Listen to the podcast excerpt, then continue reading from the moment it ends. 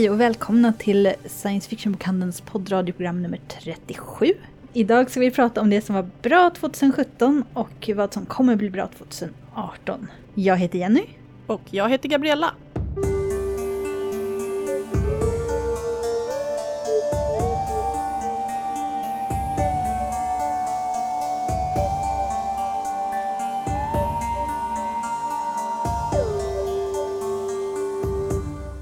Också en intervju med Django Wexler som har skrivit bland annat The Shadow Campaigns och The Forbidden Library. Och eh, vi har en tävling där man kan vinna en av Django Wexlers böcker. Vi vill att ni skickar in vad ni ser fram emot under året efter att ni lyssnat på våra tips. Och sen säg om du vill ha första boken i The Shadow Campaigns, The Thousand Names i Pocket, eller om du hellre vill ha den senaste och sista boken, The Infernal Battalion, inbunden då. Mer information om tävlingen kommer i slutet av programmet.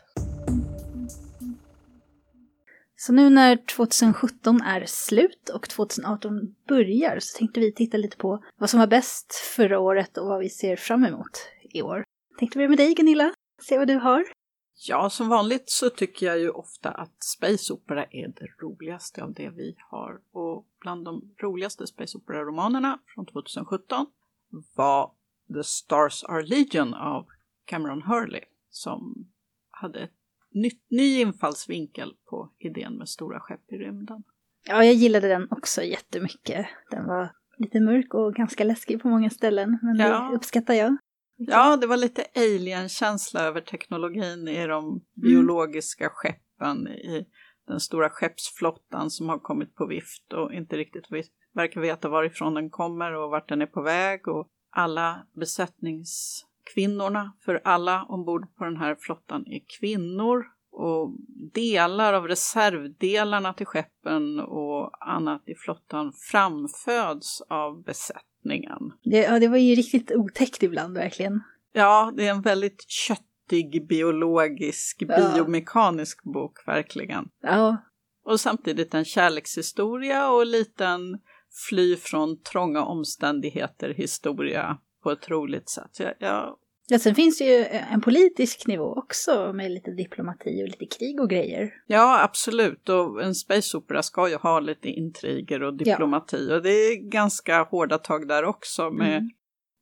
rätt hänsynslösa figurer som intrigerar mot varann och har hamnat i kniviga situationer de inte riktigt kan ta sig ur. Så Någonting som jag tyckte var väldigt kul också, det var ju hur, eftersom de här skeppen är så extremt stora, och hur olika delar av skeppen var helt omedvetna om att de andra delarna ens existerade. Ja, det är ju en klassisk idé inom science fiction med skepp som världar som används här för att beskriva en formlig expedition genom delar av skeppets inre.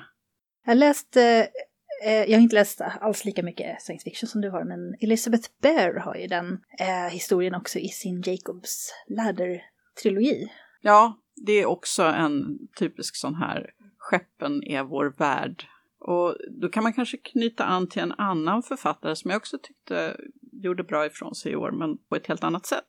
Kim Stanley Robinson, som i sin förra bok skrev om skepp som värdar, eller snarare månggenerationsskepp. Mm. Och de problem det kan innebära, att det kanske inte alls blir några fantastiska världar, utan det finns faktiskt en massa fys fysiska begränsningar som gör att det är väldigt svårt för människor att skapa sig artificiella världar. Och hans bok från 2017, New York 2140, utspelar sig på jorden och handlar om en väldigt konkret framtid där klimatförändringar har fått havsnivån att höjas och Manhattan översvämmat av vatten mm. och det är som en kollektivroman med invånarna en liten bostadsrättsförening kan man säga på det översvämmade Manhattan som på olika sätt ska tampas med hur världen och samhället har förändrats. Det låter riktigt kul. Den har inte jag läst.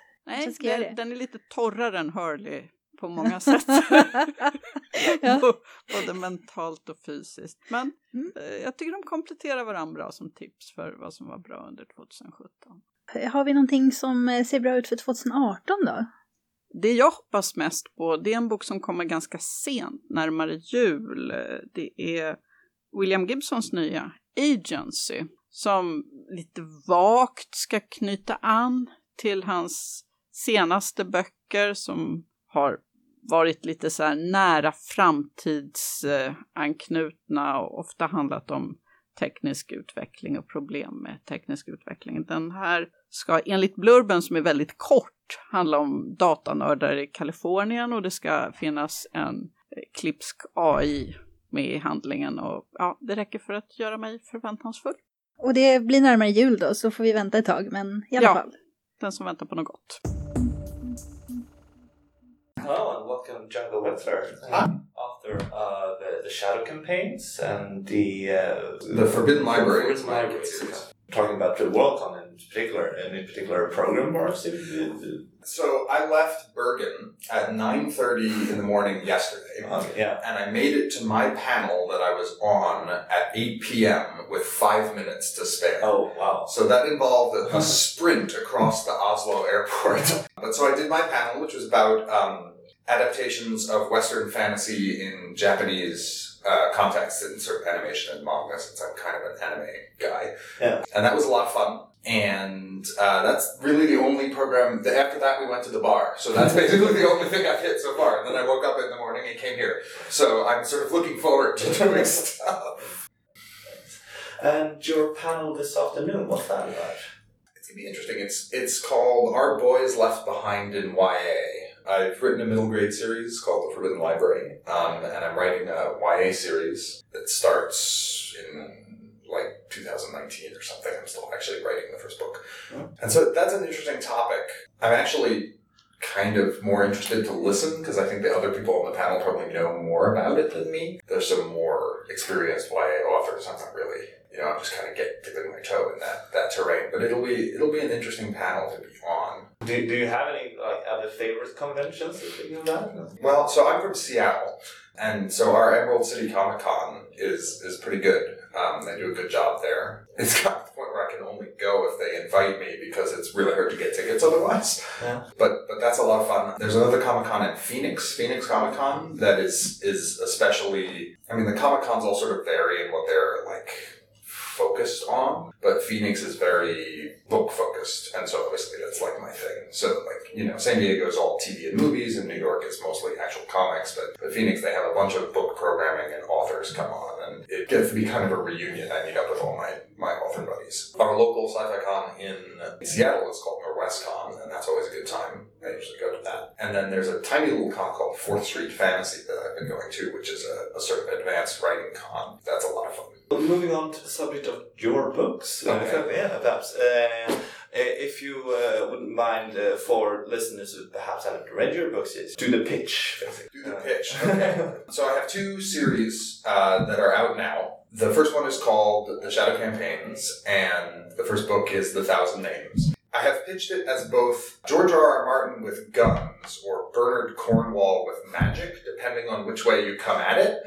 Uh, Bernard Cornwall writes the Sharps Rifles books. If, you, if you don't know, those are historical fiction rather than science fiction or fantasy, um, but they're really good. The the basic sort of story of these books is I read Song of Ice and Fire, like so many people, and I thought it was great. And in particular, I really liked what George did with the kind of bringing the kind of traditional knights and castles fantasy back towards its historical roots in 12th and 13th century England and Scotland. England and Scotland. Is, he does a lot of Scottish stuff in there. And so I, I'm like, I kind of want to do something like that. I want to take a sort of historical setting and do a kind of light magic fantasy. But I didn't want to do that one. But then later, I was reading a book about Napoleon and about the Napoleonic Wars. That kind of clicked with me. I'm like, this is what I'm going to do because there's just so many good stories. And so the Shadow Campaigns is a Napoleonic fantasy.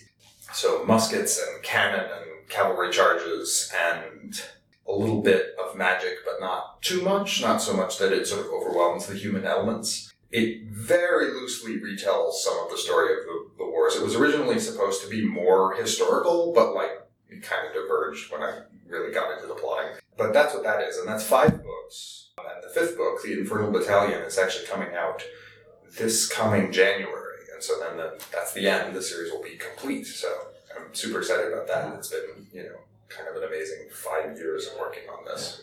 And then my other series is called The Forbidden Library, and it's a middle grade series, so they targeted it, I think, 8 to 12 is what the publisher says. I think of it as kind of about Harry Potter book one, so if it's like, if, if that's the, the person, if that's like what you enjoy, then that's kind of it. And it's about a girl who, in the 1930s in America, is sent to live with her kind of creepy uncle in the wilds of Pennsylvania and discovers that he has a magical library which she breaks into and then finds that the books are portals to other worlds. She collects uh, magical creatures and pulls animals out of my bag for the benefit of you podcast Exactly, listeners. yeah, exactly.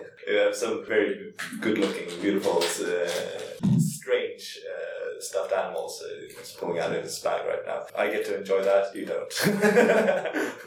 So that's a four book series, um, and that's been it's been really interesting because I don't, you know, I didn't really know how to write that kind of stuff. So my editors have helped me a lot. They've gone through and told me like, no, you can't use this word; it's a little too advanced for a twelve year olds. Although surprisingly rarely, they they like me have kind of a high opinion of kids, Uh-huh. you know.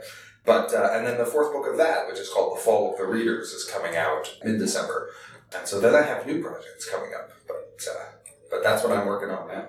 Alright, do you get to preview of the. I can actually. As of like a week ago, we've announced um, I have a YA series coming out with Tor Teen in the US. I don't know. I don't think we have a UK thing set up for that yet, although obviously we're working on it. The title I submitted it under is Deep Walker, but I suspect that will change before the books come out. I don't think I've ever gotten to keep one of my original titles, so I've just kind of given up on, on trying. But it's about a girl who is is sent aboard a kind of magical giant ghost ship, which which sort of collects people from various ports around the world. This is a secondary fantasy world, and they have this kind of Lord of the Flies society on there, and she is under assignment from her government to kind of take it over, and so she has to sort of work her way up through that. So it should be fun. Uh, I'm writing that now, and it's it's a great it's it's great fun to to read. In the slightly more distant future, I'm doing an epic fantasy trilogy series for Orbit, which I don't think we have a title that I can even share because I think we haven't come up with one that's going to work yet. Um, but it takes place in a kind of fantasy post-apocalypse is a way I would say it. It's there sort of was a high fantasy magical civilization that collapsed, and the people are now kind of living among the ruins. A brother and a sister who are separated early on. She becomes one of the sort of guardians of order, and he becomes a kind of rebel revolutionary, and they ultimately come into conflict. So that's my next like two or three years mapped out. Now, looking forward to all of that. I really enjoyed the Thousand Names uh, Oh, show good. I'm completed the, the series so far. A bit, bit of history, a bit of Napoleonic. The mm-hmm. first one is a bit of, I felt a bit like Jerusalem Crusades as well, a bit Oh. tossed into it. A little bit. I mean, It's it's just another area. Yeah. it's what it is is Napoleon in Egypt. Napoleon invaded Egypt for the French Revolutionary Government in I think 1798, and there's a whole set of weird stories there. All right, let's see. Before we wrap up, if there's anything in a book, a game, or whatever that you Ooh. really that you really liked recently. I mean, the game I've been playing a lot of is called Crusader Kings 2. If you go to my website, I do sort of long write ups of my playthroughs of Crusader Kings. And Crusader Kings is a sort of medieval dynasty simulator. And so you, you pick, uh, you know, a dynasty, you pick a character, and then you rule a country or whatever. And then, what, you know, when your character dies, you play as your son or heir or whoever, and you try to. This is starting in 769 and going to 1453. And so you can go all the way from, from England to, to Scandinavia to Middle East to India, they have now. And so that's a lot of fun, and, and it's just, it's kind of wacky and fun. I do kind of like storytelling with that, and that's been a lot of fun. And actually, the one I just finished, which which should be, if you go to my website is djangowexler.com and you go look at it, is uh, a Scandinavia game where I start, I think, on the west coast of Norway, and then try to create a Scandinavian empire and end up taking over England and France and Spain. So that that's a lot of fun.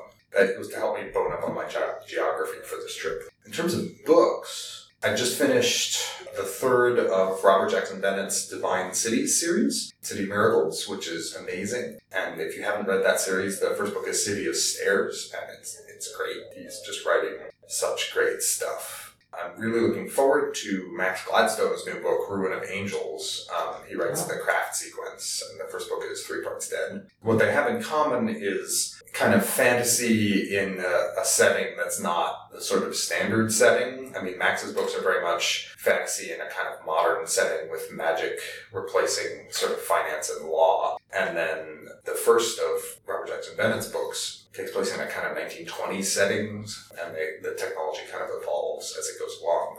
But it's kind of a post-colonial setting, so it's really interesting. And so I, I love fantasy that's in a kind of a different place than you know ye old D and D world. If you're reading the, sha- the shadow campaigns, it's as well the, the, the military. Yeah. Uh, I think there's a common theme there. Somewhere. Yes.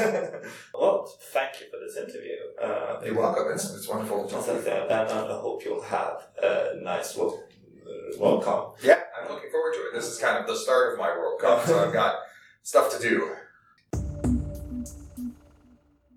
Linda, du har ju sett lite roliga saker 2017. Vad tyckte du var bäst? Två saker som har stått ut så här är väl eh, skräckfilmen Get Out. Som jag inte har sett den, men jag, ser, alltså jag vill verkligen, verkligen se den. Ja, det var, jag, jag såg en eh, förhandsvisning av den och det var, det var nästan stående ovationer i salongen. Så bra är den alltså. Jag tyckte det. Jag tyckte verkligen det. Den kändes väldigt... Alltså det är väldigt mycket zeitgeist. Den känns väldigt fräsch. Den känns som att de eh, tar gamla skräckfilmskoncept men gör någonting som känns väldigt samtida, relevant och intressant. Jag tycker att skräckfilm ofta kan göra det, men eh, skräckfilm kan också vara extremt mossig, så att man vet aldrig riktigt vad man får. Ja, verkligen, verkligen. Eh, det kan gå åt båda hållen. Den här tyckte jag tog alla de här mossiga mm, klichéerna, eller vad man ska säga, och eh, vände på det. På ett otroligt snyggt sätt. Väldigt välskriven, välspelad. Ja, var Bara bra alltså. bara bra. Ja. Bara bra. Perfekt. Ja, jag ska ju absolut se den. Jag har bara varit extremt trög förra året. Ja, men jag tycker ju att, att skräckfilmer som också är roliga är eh, lite extra Ja. bra. Alltså när de blandar med där man var jätterädd och sen så får man skratta och liksom bli lite lättad emellan varven. Mm, ja, jag håller med. Jag, jag tyckte ju... Jag, en film som jag var och såg på bio var ju Det, Stephen Kings Det Mm. förra året. Eh, Det är ju första filmen av två då. Man Mm. får se deras barndomsdelen, det. den som man har fått se. Och den gjorde ju också väldigt mycket så att eh, mycket vardagsliv, mycket roliga situationer med de här barnen som det handlar om. Mm. Samtidigt då som det, är ju en skräckfilm så Ja, de här läskiga bitarna finns ju verkligen med också. Ja, Jag, jag gillar det verkligen.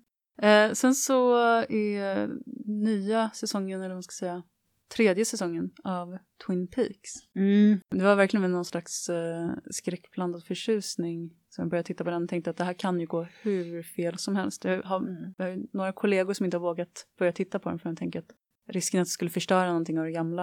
eh, Ja, jag, jag har också varit lite, inte tveksam vill jag inte säga, men, men just det här att ja, jag vill verkligen se det men, men tänk om det inte är bra. Ja, precis. Och det är inte riktigt samma, samma gamla Twin Peaks. Eh, men det tycker jag bara är skönt. Att Mm. eh, det känns helt kompromisslöst. Det känns som att David Lynch har fått verkligen göra sin vision fullt ut. Och sen så känns det helt sömlöst. Det, det är som att det går nästan att se den som en väldigt lång film. Alltså det är Mhm. liksom inte uppdelat avsnitt för avsnitt, det är inga så cliffhangers, det är inte alls så, utan det är en jättetydlig vision. Eh, jag tycker den är fantastisk. Jag tycker den är bland det mest intressanta jag har sett på jättelänge. Och ja, jag vill ju gärna ha en säsong till, men Ja, jag, man får ju hoppas då. Jag har ju fortfarande inte sett den här men, men som sagt, jag tycker att det låter väldigt bra att som du säger att de inte har försökt göra om samma sak en gång till. Eller han har fortfarande sin vision och han ville göra den och han fick göra den.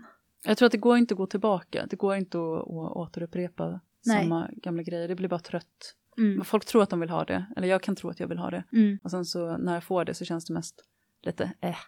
Men eh, ja, nu är vi ju inne på 2018 då. Kommer det någonting som ser bra ut i år? Ja, då, nu är det ju verkligen inte så att jag är en så stor skräckfantast, men nu låter det som att jag är det. Jag tycker att Guillermo del Toros eh, Shape of Water, som jag missade att se på filmfestivalen. Ja, eh, jag också tyvärr. Ja. Men eh, den ser jag fram emot jättemycket. Jag tycker att han har varit väldigt ojämn, men alltid intressant. Och det här känns som att eh, han har fått ihop alla bitar. Jag gillar ju Mignolas Hellboy och Abe Sapien och jag gillar monster. Jag gillar Ja. romantiska filmer. Den här känns väldigt romantisk i ordets rätta bemärkelse. Ja, jag har också sett fram emot den här mycket. Den skulle ju kommit tidigare egentligen från Jag början. Men den blev senare lagd. Den kommer ju nu på alla hjärtans dag. Perfekt. Det passar ju bra.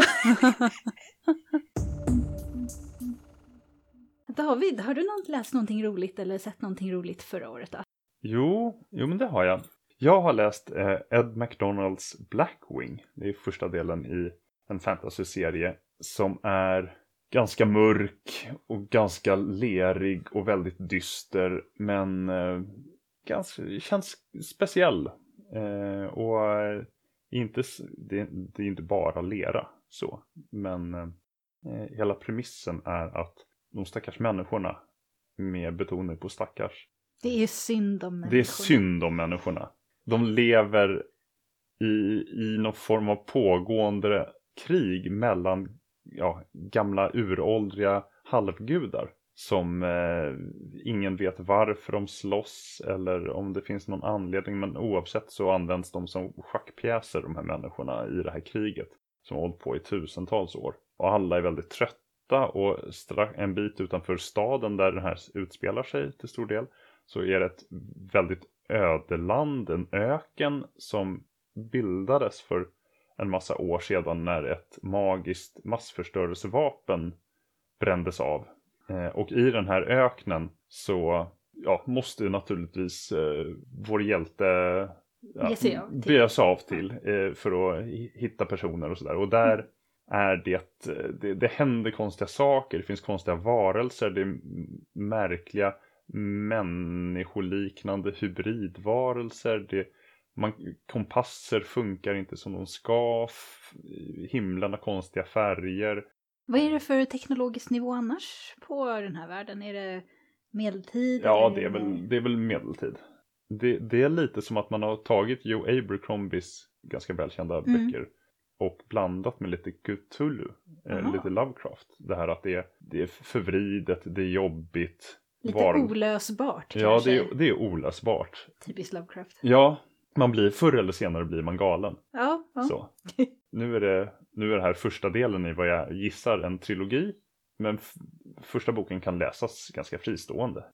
Just nu håller jag på och läser Senlin Ascends av en Bancroft. Det är alltså någonting som har kommit ut nu 2018? Ja, som... precis. Och det, det handlar om en ung man som reser med sin eh, tilltänkta fästmö till en stad som är någon form av Gormengastaktigt Ja. Babels torn. Liksom. Det, är, det är en gigantisk megakonstruktion där allt kan hända och det finns magi och det finns konstiga varelser och alla människor i hela den här världen samlas där för att utbyta transaktioner och, och sen så redan i introt liksom så försvinner den här fästmön och han måste leta efter henne och förvirrar sig längre och längre in i den här staden.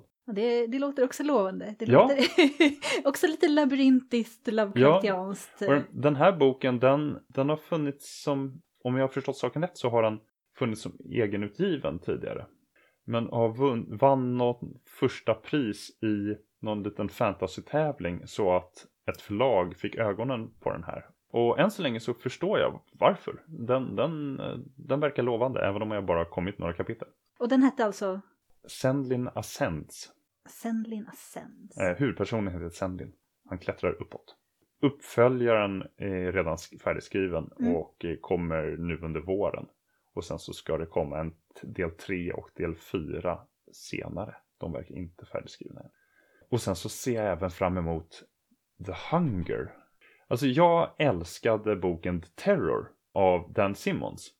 Som handlade om den F- Franklin-expeditionen som försöker åka med båtarna Erebus och The Terror. Nordvästpassagen ovanför Kanada. För att liksom se om man kan liksom ta båtvägen från Ja, och för oss som inte är så insatta, när skedde detta? 1840-talet. Okej. För att se om man kan ta liksom båtvägen från USAs eller Nordamerikas östkust till Nordamerikas västkust. Ja, okej, så nor- norra vägen alltså. Ja, slippa åka tåg eller eh, häst och vagn. Även den som tåg fanns på 1840-talet som korsade hela amerikanska kontinenten. Jag tror inte det. Nej, jag det tror var att det var lite senare. att de började bygga den Ja. någon gång på 1800-talet, men jag vet faktiskt inte när måste jag erkänna. Eh, oavsett så eh, omkom hela den här explosionen och eh, oerhört tragiskt. Det, kanske, de, det var en väldigt dålig vinter som aldrig liksom riktigt tinade upp isen så att skeppen frös fast. Ibland lite svårt att, att förstå i, i våra moderna tider hur, hur farlig vintern faktiskt Ja, är. och de, när sommaren var så dålig sen ja. så att det aldrig tinade utan de fastnade ytterligare en vinter så var det väldigt jobbigt. De har obducerat några lik och sådär, de har hittat en del. Eh, det verkar som de led av blyförgiftning också för att de hade blyburkar till maten. Nej. Konserverna. Eh, Ja, liksom- det var ingen måtta på eländet. Nej, så, och det är tydligen väldigt jobbig förgiftning. Det finns, Eh. finns fall i moderna USA också Ja. med blyförgiftning i vattnet i fattiga områden. Uh, hörde jag talas om, bara ett litet bispår, men jag kommer att tänka på det. det. Det gör ju förskräckliga saker med folks hjärnor och stör, störningar i beteendet. eh, Ja. Gör folk våldsamma. Och det här har Dan, Dan Simmons tagit fasta på och skrivit Mm. om det till att eh, de inte blev galna. Utan att det faktiskt var ett monster som plockade dem en efter en där ute på isen. Och de blev mer och mer utsatta och så. Eh, och eh, det här ska bli tv-serie nu i vår också. Men i alla fall, eftersom jag gillade den här boken så mycket så kommer The Hunger nu om några, några månader och som utspelar sig i samma vintrar. 1840-tal, slutet av 1840-talet. Eh, om det är 40, 46 till 48. Men handlar om en liten karavan med nybyggare som ska försöka ta sig till Kalifornien. Ja, inte till Det här, Oregon alltså. nej, det, här, det, här, det här hände också i verkligheten. Och de, eh, ja, de råkar ut för de, dels hårda vintrar och dåliga somrar, vilket det var just de vintrarna. Eh, och sen så eh, hade de tydligen köpt en kartbok som där författaren eh, tipsade om en, en genväg som författaren själv inte hade prövat. Alltså det, det där är ju så typiskt under den perioden, eh, så många charlataner som Ja. lurade nybyggare och lurade... Alla som har läst eh, Vilhelm Moberg vet Ja, detta verkligen. också. Ja. Eh, och av de här 87 nybyggarna så klarade sig ja, runt 40. Det var Eh, och så... idag klarade de sig genom att äta sina kamrater. Ja, i verkligheten alltså. Ja, i verkligheten. Och Ja. det här har de också gjort en skräckbok av. Att de blir lurade med flit av någonting som försöker lura in dem i bergen. Och eftersom jag gillade The Terror så mycket Mm, och mm. premissen fungerade så bra så vill jag verkligen eh, läsa The Hunger också. Och vad, vad hette författaren då till den? Ja, eh, The Hungers författare heter Alma Katsu. Ja, det låter väldigt spännande. Ja, jag, uppenbarligen, jag vet inte varför, men uppenbarligen så är jag ångestdriven i mitt läsande. Ja, jag, jag hör det. Det påminner mig faktiskt om, eh, jag lyssnar på podcasten The Magnus Archives. Och den har, det är som en eh, antologiskräckberättelse. Där eh, varje avsnitt då är en historia. I ett av dem så handlar det faktiskt om ett nybyggarpar som under den här, precis samma tidsperiod, blir, eh, kommer lite sent och ska igenom ett pass. De ska dock till Oregon och vintern kommer och de tror att de måste vända tillbaka och så möter de då en mystisk person som verkar väldigt vänlig och säger att men han vet en speciell väg genom bergen. Och eh, det kanske han gör, men eh, han har ju inte för avsikt att leda dem igenom. Inte mycket rent mjöl i påsen där inte. Nej. Det var lite samma premiss, Mm. fast i mindre skala, för det är bara två personer och deras ledsagare. Väldigt obehagligt, just den här obenhörliga... Ja, man är så utlämnad in. också. Ja. Utlämnad åt naturen, jag menar de, de eh, förlorar sin vagn när ett vagnshjul går sönder Mm. i bergen och de har slut på reserver. Och de, då vet de så här, vi är döda. Ja. Vi, vi kommer inte kunna klara oss nu. Ja, svåra dagboksinlägg att läsa. Ja, det är väldigt spännande tycker jag också. Men kanske i måttliga mängder så man Ja. inte för, blir för betryckt. Verkligen. Jag får läsa någonting snällare emellanåt också. Andres, du har några speltips till oss, eller hur? I would say that easily the best, most impressive game that was released last year had to been Twilight Imperium 4th Edition for its staggeringly beautiful production, its reckless disregard for the modern trend of abstract, themeless, tasteless games, and its uh, complete allegiance to negotiation, randomness, and long winded fun. But it's not necessarily a game that I'm going to be playing regularly, and it's not one that I probably want to play regularly. And as such, I think my favorite game experience from last year has to be what is our Call of Cthulhu uh, scenarios. You and I, Yenny, and as well as a couple of colleagues from work, are currently working through the now out of print Horror on the Orient Express. It's fantastic. Yes, and uh, I mean we've been playing it now for oh, just just over a year, as of like I think last week, and it's easily the funnest game experience I've had in a long time. Yeah, I love it. I love the Orient Express and all of it. It's such a great combination. But unfortunately, it's now out of that that particular adventure is now out of print. So I'm going to also recommend something that that I bought in late December. I bought uh, Legacy of Dragonholt for my girlfriend as a kind of like introduction or a small role playing game. Uh, it's a much more of a choose your own adventure type of deal in which you know you cre- you create a character like a role playing game of the different kind of character classes and character races, and then you choose skills and uh, a bit of a you know you choose certain skills based on who you are and how you build your character. And then from that you start this adventure and it's very much like a oh if you're a thief you can choose this option. If you're this and then read this page and this and you read this passages. It's effortlessly great fun. Uh, but like i said it's not much as a role-playing game as much as more of those choose your own adventure type of deals. But as such its huge variety of paths and options are really fun and the story itself is a lot of fun the best thing I can equate it to is it's kind of like a Legend of Zelda video game where like you're going around Castletown and playing with all the different NPCs and you're getting involved in their lives, you know, delivering love letters from one NPC to the other. and it's kind of like that because you're in this Dragonholt village and uh, you're asked to solve these small little like mysteries or puzzles. You interact with people in the bar. You might start a bar fight. You might do this and that. You might do a, a, a, several different things, and the possibilities are open ended and endless. And it's a great little choose your own adventure like type of thing.